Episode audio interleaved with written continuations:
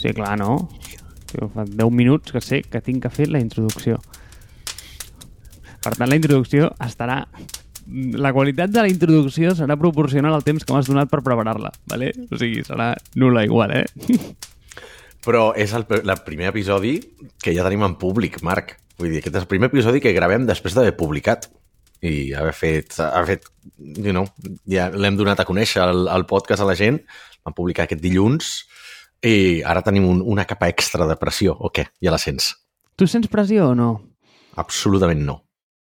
Com has de sentir pressió? Si tu ets aquests que parla en un escenari davant de 50 persones i sembla que estigui al rebedor de casa. No, per això, per això, però d'alguna manera eh, ara hem estat gravant aquests, els cinc primers episodis, els vam gravar com per tu i per mi, no? I, entre tu i jo. I ara sabent, diguem, jo ara li poso cara a la gent que ens escolta. Ja sabia que ens escoltaria gent, no en tenia cap tipus de dubte. Al final tenim una trajectòria, tenim altres projectes dels quals hem fet comunitat i hem, hem anat a, acumulant gent que ens segueix, no? una audiència, però ara jo ja sé personalment noms, cognoms, cares i vincles familiars i afectius que sé que ens estan escoltant ara mateix. Per tant, ara, d'alguna manera, no és una pressió, però és una, com una responsabilitat de dir ei, a veure quines coses menciones perquè ara t'està escoltant. Aquella persona de la que potencialment podries parlar o explicar una anècdota eh, o explicar una anècdota personal en la que aquella persona està relacionada, doncs t'està escoltant ara mateix. Vull dir, si li mires des d'aquest prisma, és una mica interessant. Va, pues, per començar, igual et deixo una mica en evidència, perquè igual que tu, mira, em va fer il·lusió i em vaig escoltar no, els podcasts una altra vegada per dir, hòstia, a veure, a veure què estem fent, a veure què, què bé que ho fem, i entre, entre diverses coses vaig veure pues, això, no? pues, que el, a l'episodi 3 em vaig equivocar amb el micro i el meu àudio és nefast, però vaig donar compte d'altres coses, i és que tens un problema amb la paraula bretxa. Com es diu bretxa en català? Escletxa. Sí, sí, en dos episodis. Jo també me'ls he escoltat, eh? Me'ls he escoltat. Els cinc episodis me'ls vaig escoltar. Vaig fer una marató ahir, eh? I és veritat, m'encallo amb certes paraules. Però no només em passa amb aquesta, eh? em passa amb moltes altres paraules que el meu cervell les esborra. Simplement les esborra i ja està. I en aquest cas, hòstia, la d'escletxa em va encallar en dos episodis en concret, eh? No, no, escletxa, escletxa t'ha costat, eh? T'ha costat molt escletxa, eh? T'ha costat. Mm. Home, al final, el no per, per, per mi una de les motivacions de fer aquest podcast en català també era per aprendre una mica més a parlar de tecnologia en català, perquè hi ha moltes paraules que no, que no les he fet servir mai, que les sabem, la teoria la sabem, però fins que no les apliques... La setmana passada vam aprendre compounding, així que a poc a poc, a poc a poc. De què parlarem avui, Marc? Avui parlarem de si la tecnologia ens salvarà o no ens salvarà. Llavors, a veure, aquest episodi es pot fer de dues maneres, ¿vale? La manera curta és dir, no, no ens salvarà, tallem aquí i s'ha acabat, ¿vale? Vinga. I, i adéu, ciao. Amb la setmana que estem tenint tu i jo, Marc, jo crec que podríem tallar aquí i deixar-ho, i aprendre per cul. Sí, sí, seria l'episodi que tindria com més ràtio de... És que clar, és que volia dir completion rate i no he sabut dir l'altre. Anem, anem a prendre una paraula nova. Completesa. la taxa de completesa més elevada seria aquest, perquè, clar, la gent, evidentment, faria 3 minuts i estaria ja llesta. Però no. Hi ha una definició llarga, i és el que anem a buscar aquí. I d'on ve això? Jo et diré que, igual que tu, al, a l'haver estat escoltant els altres episodis, una de les coses que m'he donat compte és que aquest l'hem anat construint poquet a poquet amb molts altres. I ha sigut una temàtica que ha sortit ja des del primer, perquè inclús, mira, oh, és que va, va haver una cosa que en el moment se'm va passar per alt, però quan ho vaig tornar a escoltar, ostres, se'm va posar com, com la pell de gallina. Perquè quan t'explicava lo del president Roosevelt, i tu em deies, no, és que clar, jo entenc que tu no poguessis concentrar-te en l'episodi aquell de ràdio que estaves escoltant, perquè jo, em dius, tinc 60 tabs oberts. Clar, aquí, això et defineix molt com a persona, val? això moltíssim. Això diu qui Mentre ets. parles vaig a comptar quantes en tinc obertes ara perquè No, no, no, no, no, no, és que no vull Val. saber, no vull saber, no vull saber, no vull saber, no vull saber. O sigui, perquè de veritat que quan m'ho dius, o sigui, jo mateix m'entra com a angoixa, saps o no? Les veig jo obertes i penso, Déu meu, les té obertes, saps? Només saber que estan obertes. Eh, en fi, eh, per, per mi ha sigut una cosa, eh, ha sigut una cosa que no he sabut superar de tu. Mm, 28 taps, Marc. Estic, he baixat de 60 a 28. tens un ordinador amb 128 gigas de RAM, eh, sí, perquè per aguantar això, fill meu... Vàries de Google Docs que consumeixen molt, però bueno, on volies arribar? Mm, Perdona, que t'he volia tallat. arribar... Eh, no, de fet no volia arribar aquí, però t'ho dic eh, perquè tenia un amic que li vaig fer la mateixa pregunta i em va donar una resposta semblant. Jo, o sigui, després de que a mi m'agafés mm, bueno, o sigui, un paro cardíac, caigués al terra, em tinguessin que reanimar eh, i després de dir-me que tenia una quantitat ingent de taps obertes, em va dir això és en una de les finestres que tinc, com obertes. Clar, llavors tenia com més finestres de navegador, que per mi això és un concepte que no existeix. És a dir, per què vols finestres si tens tabs i en pots tenir tres i ja està, saps? Però bueno, en fi, ja en parlarem un altre dia. Eh, després, no? I, i, i per exemple, l'últim també eh, ens posàvem una mica haters amb el món i, i explicàvem el tema aquest de, de sortir a passejar, com hem trivialitzat moltes activitats d'aquestes low-tech, saps?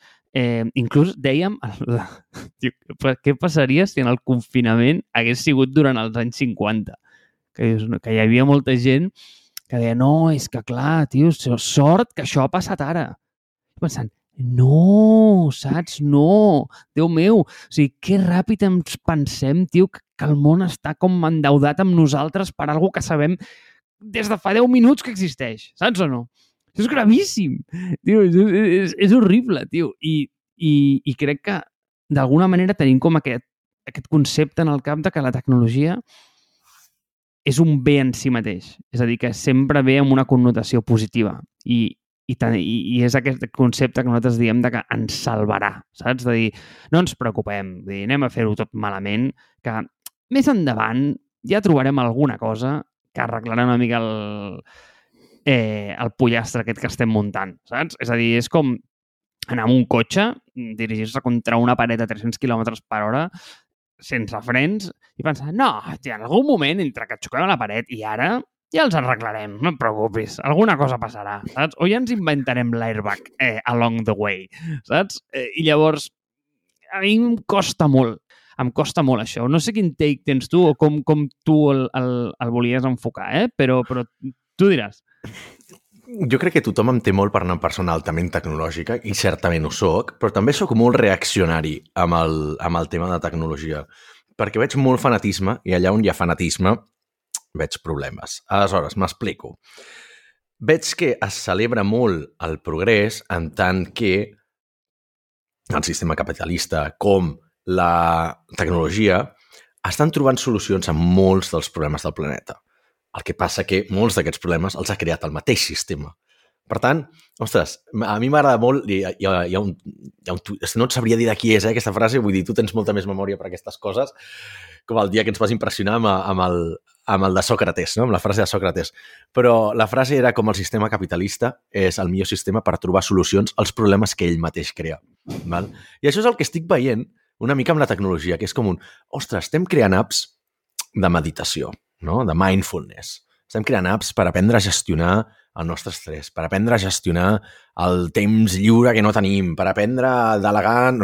Dius, potser, si no féssim tantes coses, no ens caldria tot això, no? Si no ens haguéssim sobrecarregat d'aplicacions, de dependència tecnològica, no ens faria falta tot això. No estic dient, hòstia, no, eh, no fem servir el GPS perquè és dolent i així, ara no sabem navegar sen eh, conduir sense GPS. Tampoc vull arribar a aquests, a aquests extrems, no? Però sí que és veritat que eh, amb el tema de la tecnologia, les apps, estem arribant a un absurd de microfuncionalitats que dius, hòstia, és que igual no et fa, no et fa tanta falta una app per corregir una cosa que traient aquestes dues altres ja no tindries aquest problema. No? I, I això jo ho he vist, moltes, perquè vam parlar en l'episodi de, de les dependències tecnològiques, de, perdó, de la millora contínua.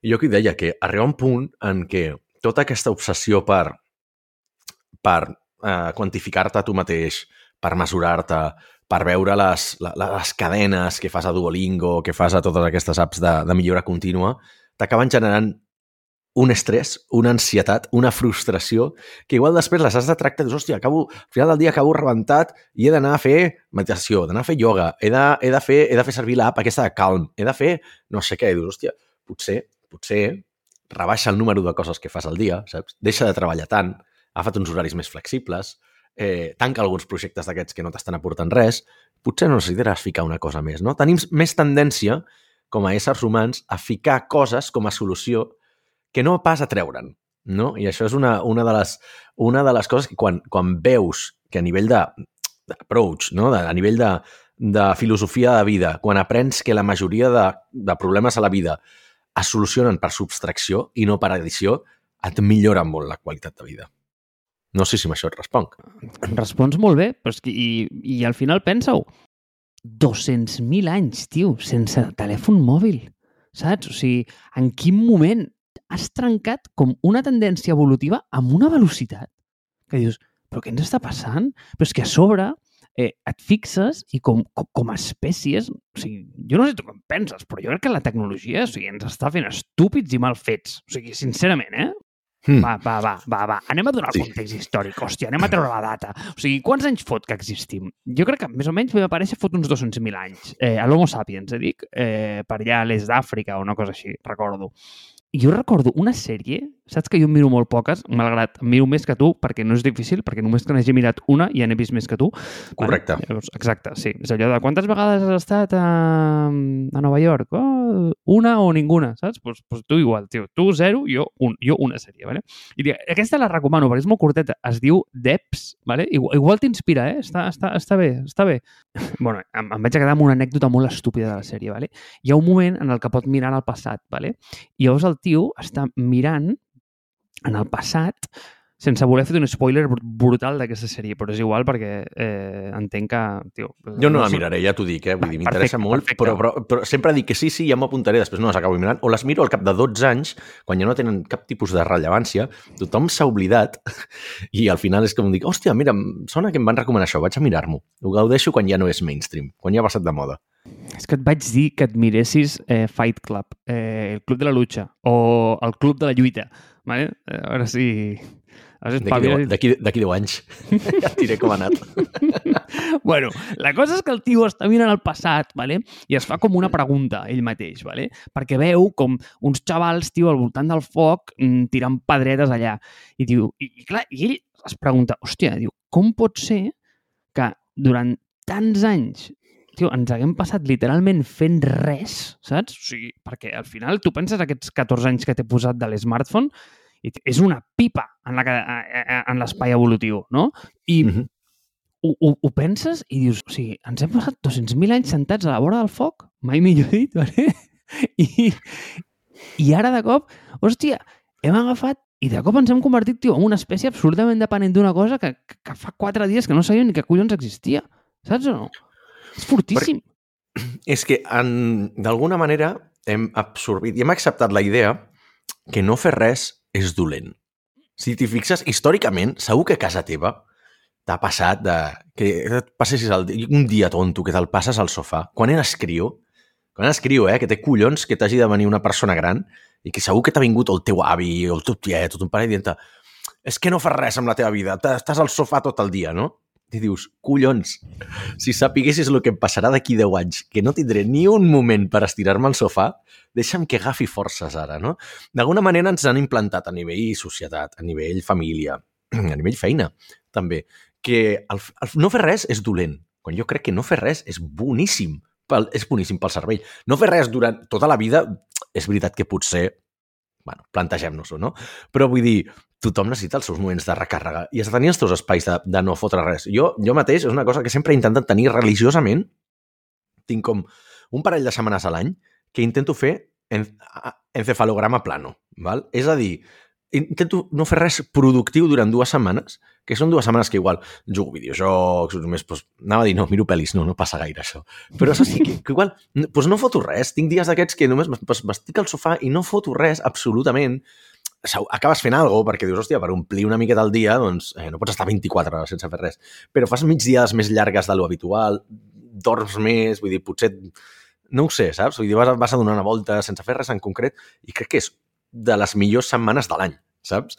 Perquè d'alguna manera estic com contrarrestant aquesta, aquesta creença que està allà superimposada, la de has de ser productiu tota l'estona. Fixa't, fixa't LinkedIn amb tota aquesta productivitat tòxica que tothom et fa... Ja en parlarem, eh? Crec que tenim apuntat algun dia parlar dels, dels els, els merdes aquests, els, els hustlers de LinkedIn, no? De, els gurus de productivitat, aquests que et diuen que t'has de llevar cada dia a les 5 del matí i fer esport, i escriure un diari, i reflexionar, i meditar, i, i fer-te una dutxa freda, i no sé quines històries, i després comences a treballar i, i dius, a veure, això no és per tothom.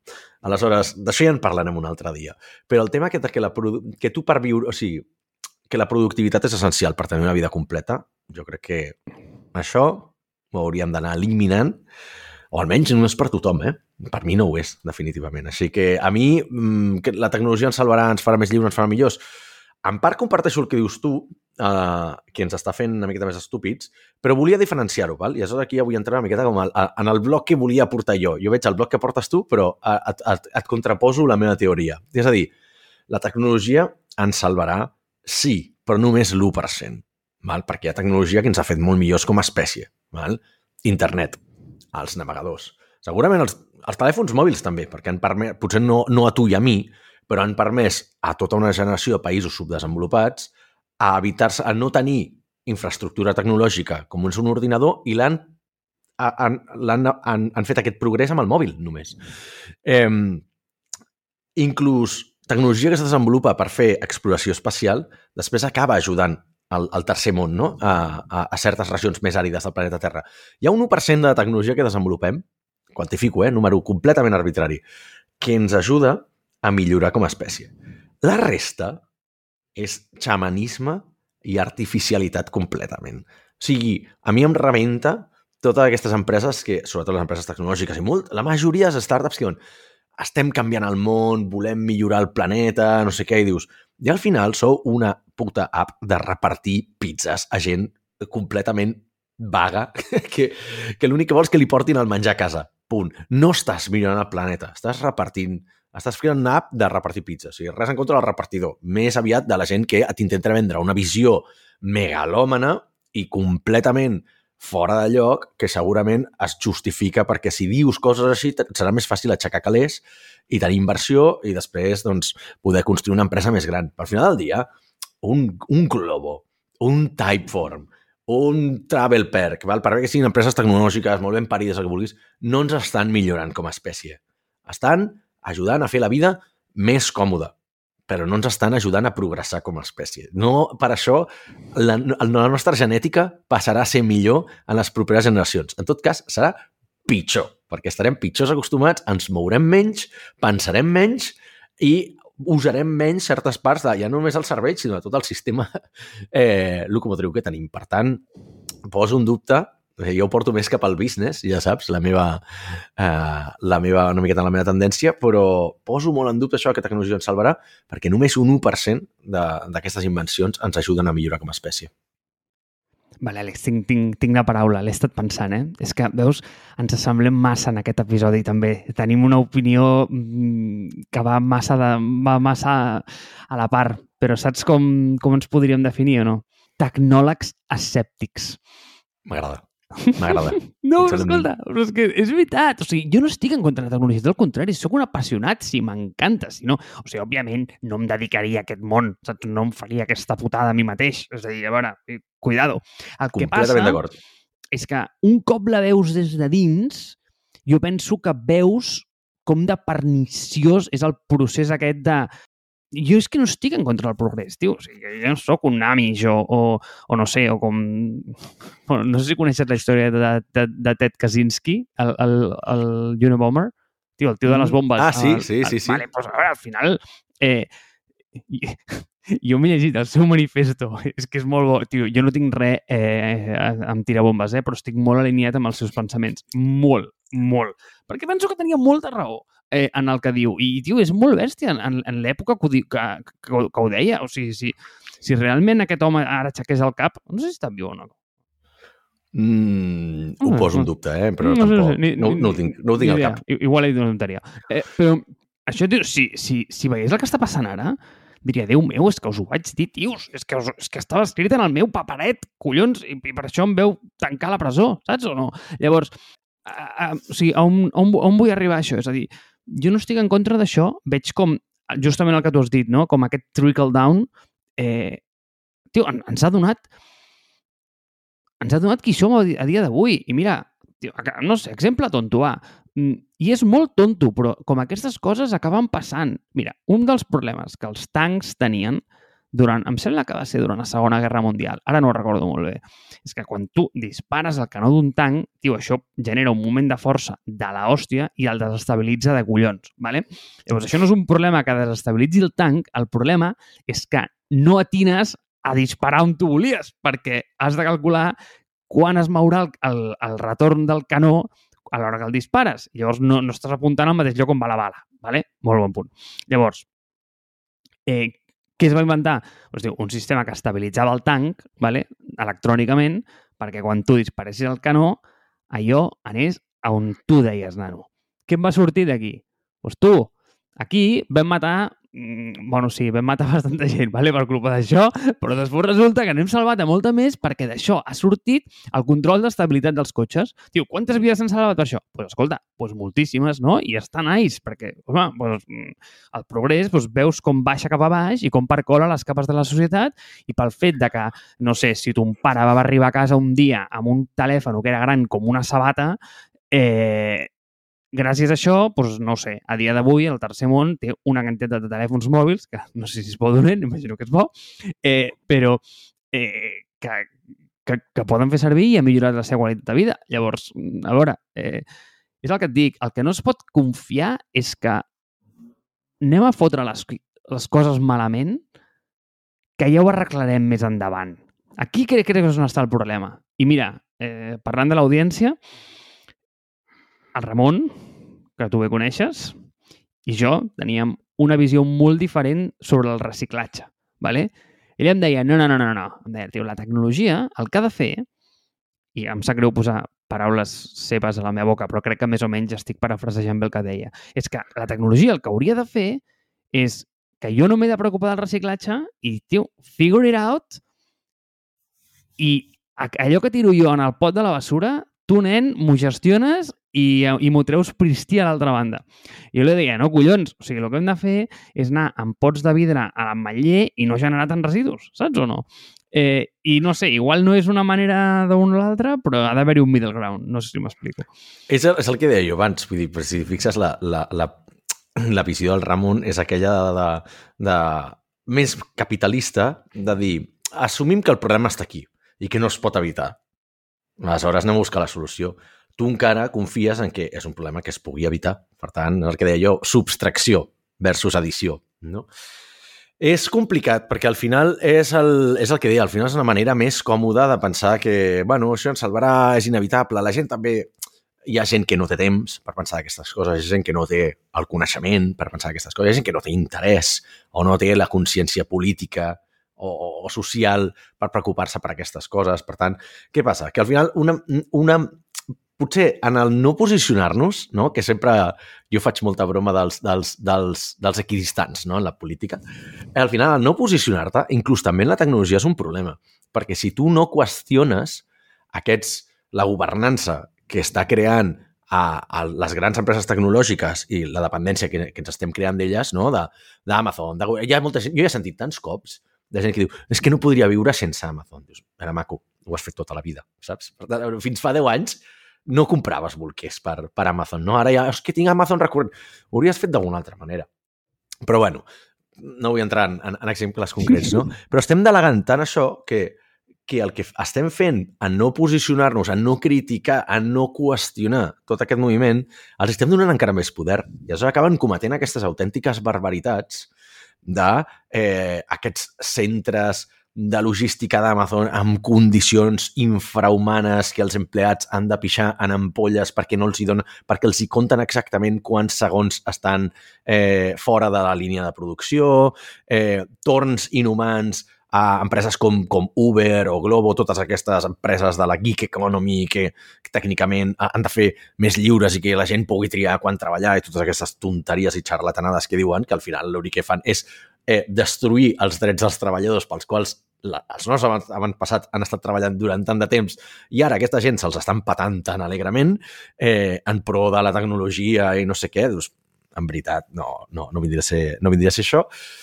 I, I jo crec que estem perpetuant el problema com a societat. O sigui, molta gent, la gent que és, que és escèptica, o que és escèptica o que no es vol posicionar, o que no ho acaba d'entendre, al final està perpetuant aquest problema. És un problema que ens, que ens rebentarà els morros, i això també, com diem sempre, ja acaba sent la del nostre d'aquest programa, eh?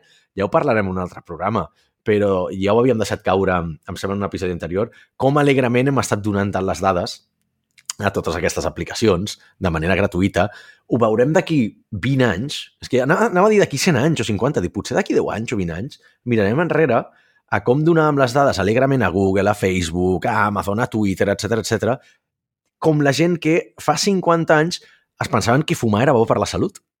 Val? Aleshores, com a, una, com a una, una sort de, de, d'ignorància tecnològica, de, de ser un, un naïf molt eh, com dir-ho, com, com molt alegre, no? La ignorància ens farà... Eh, uh, la ignorància és felicitat, no? Aleshores, ostres, jo crec que en aquest sentit eh, una cosa porta l'altra i veig molt perillós el discurs aquest d'anar en pilot automàtic, eh, que, que ens porti la tecnologia i ja ho arreglarem. Perquè és que algunes coses són arreglables, però algunes coses mm, no ho són i, i no les trobaré. I, de fet, tu has posat exemples molt bons als quals jo volia arribar, eh? i sé que m'estic allargant aquí una mica, però eh, a tot el tema aquest que, que has tret tu del de, el tanc, no? la, la tecnologia del tanc que ha arribat a portar l'estabilització de la, del sistema de conducció dels cotxes, ens demostra que generalment estem molt equivocats, o sigui, sobreestimem el que podem fer, val? el que volem fer, la nostra visió està tan allunyada del que acabarem assolint que no pots mai pensar que tens un pla, perquè el teu pla és arreglarem el reciclatge. I dius, no, no, el reciclatge no arreglaràs perquè vols arreglar el reciclatge. El reciclatge arreglaràs perquè en un altre sector, en un altre país, algú ha volgut fer una cosa completament diferent i se n'adonen que això pot arribar a arreglar el problema del reciclatge. No sé si m'explico. O sigui que, eh, generalment, pensar que tu vas d'A a B no et portarà a B, sinó que és, anant a un altre lloc, arribaràs a B per pura casualitat.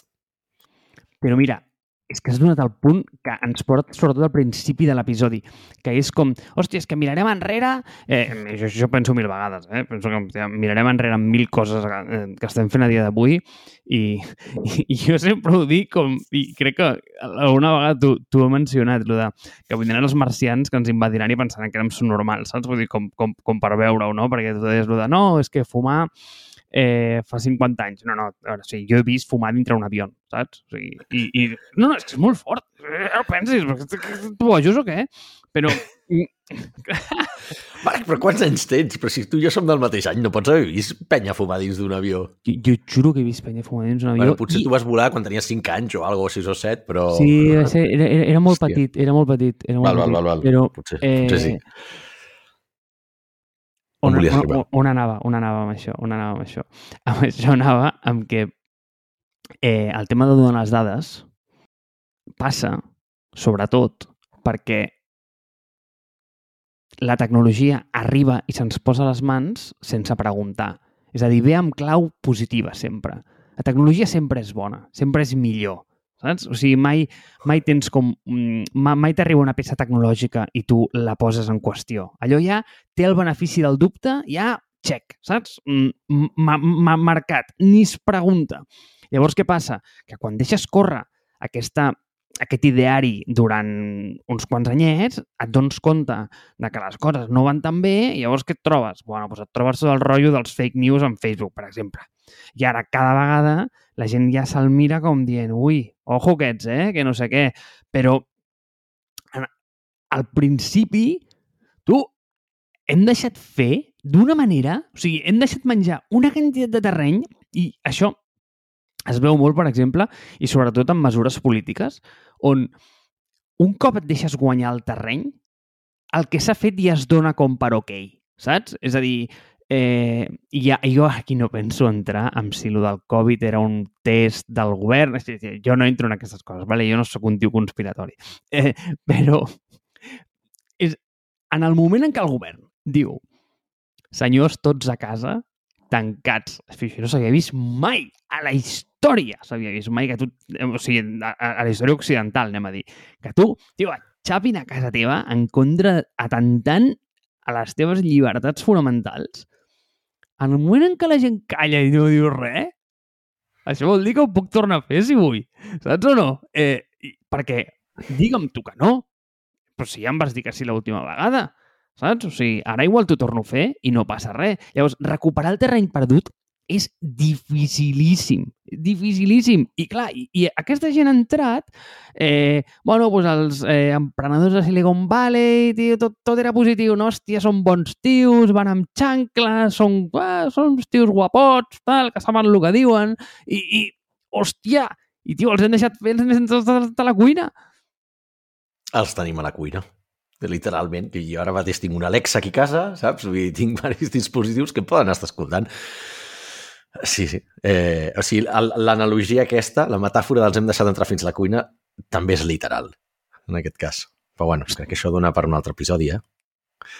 Hòstia, és que m'ha encantat com has fet de l'analogia que era metafòrica l'has convertit en real. Tio, és que no ho havia pensat. Eh, aquí has estat bé, eh? Aquí has estat bé. Això ho portaves preparat, eh? No, no, la veritat és que no, però, però ara, ara, ara he pensat, dic, hòstia, és que literalment tinc una Alexa que no faig servir absolutament per res, però és veritat que m'està escoltant tota l'estona. El faig servir només per fer la, la compta enrere de quan estic cuinant, saps? I ara, gràcies a Déu que el dec tenir desenxufat, perquè si no hauria saltat ja com, què vols? I l'hauríem sentit aquí en directe, però des del punt de vista de tenir ja un, almenys la, la, com es diu això, tinc la Thermomix aquesta del, del Lidl, que està connectada al wifi, tens les bombetes connectades al wifi, tens no sé Però jo crec que ja ens estem entrant en un altre episodi, Marc. I vam dir que el següent episodi estaria bé dedicar-lo a parlar de com vam llançar el, el podcast. I així ja continuem amb la dinàmica aquesta d'anar introduint i presentant el proper episodi, perquè jo crec que he de dir, a títol personal, eh, que estic molt agraït per la rebuda que ha tingut el podcast, de moment, tots els missatges de, de, de recolzament que hem rebut i d'escalf, que és una paraula que no m'agrada gens, però volia dir-la en directe, aprofitant que estem intentant millorar el nostre català. I, I a nivell de descàrregues, a nivell de promoció, gent compartint-ho per LinkedIn, per Twitter, per Facebook, ostres, déu nhi estic super sorprès, molt agraït, i així que explicarem com, com ho van fer, com van fer el, el llançament d'aquest dilluns passat, sigui, quan escolteu això farà una setmana que vam llançar el podcast i, i donar-vos pèls i senyals no? com, es, com es llança un side project com aquest. Em sumo els teus agraïments, absolutament sí, però que ningú es pensi aquí que escoltarà alquímia en el següent episodi, perquè el que hem fet és bastant low-tech, eh? O sigui, que anem-nos preparant. I que segurament és l'èxit de, de molts projectes. El no fer grans coses, sinó fer-ne molt poques, molt ben concentrades, molt ben definides i, i fent la llei del mínim esforç i màxim retorn, que és la que sempre intento aplicar en els meus projectes.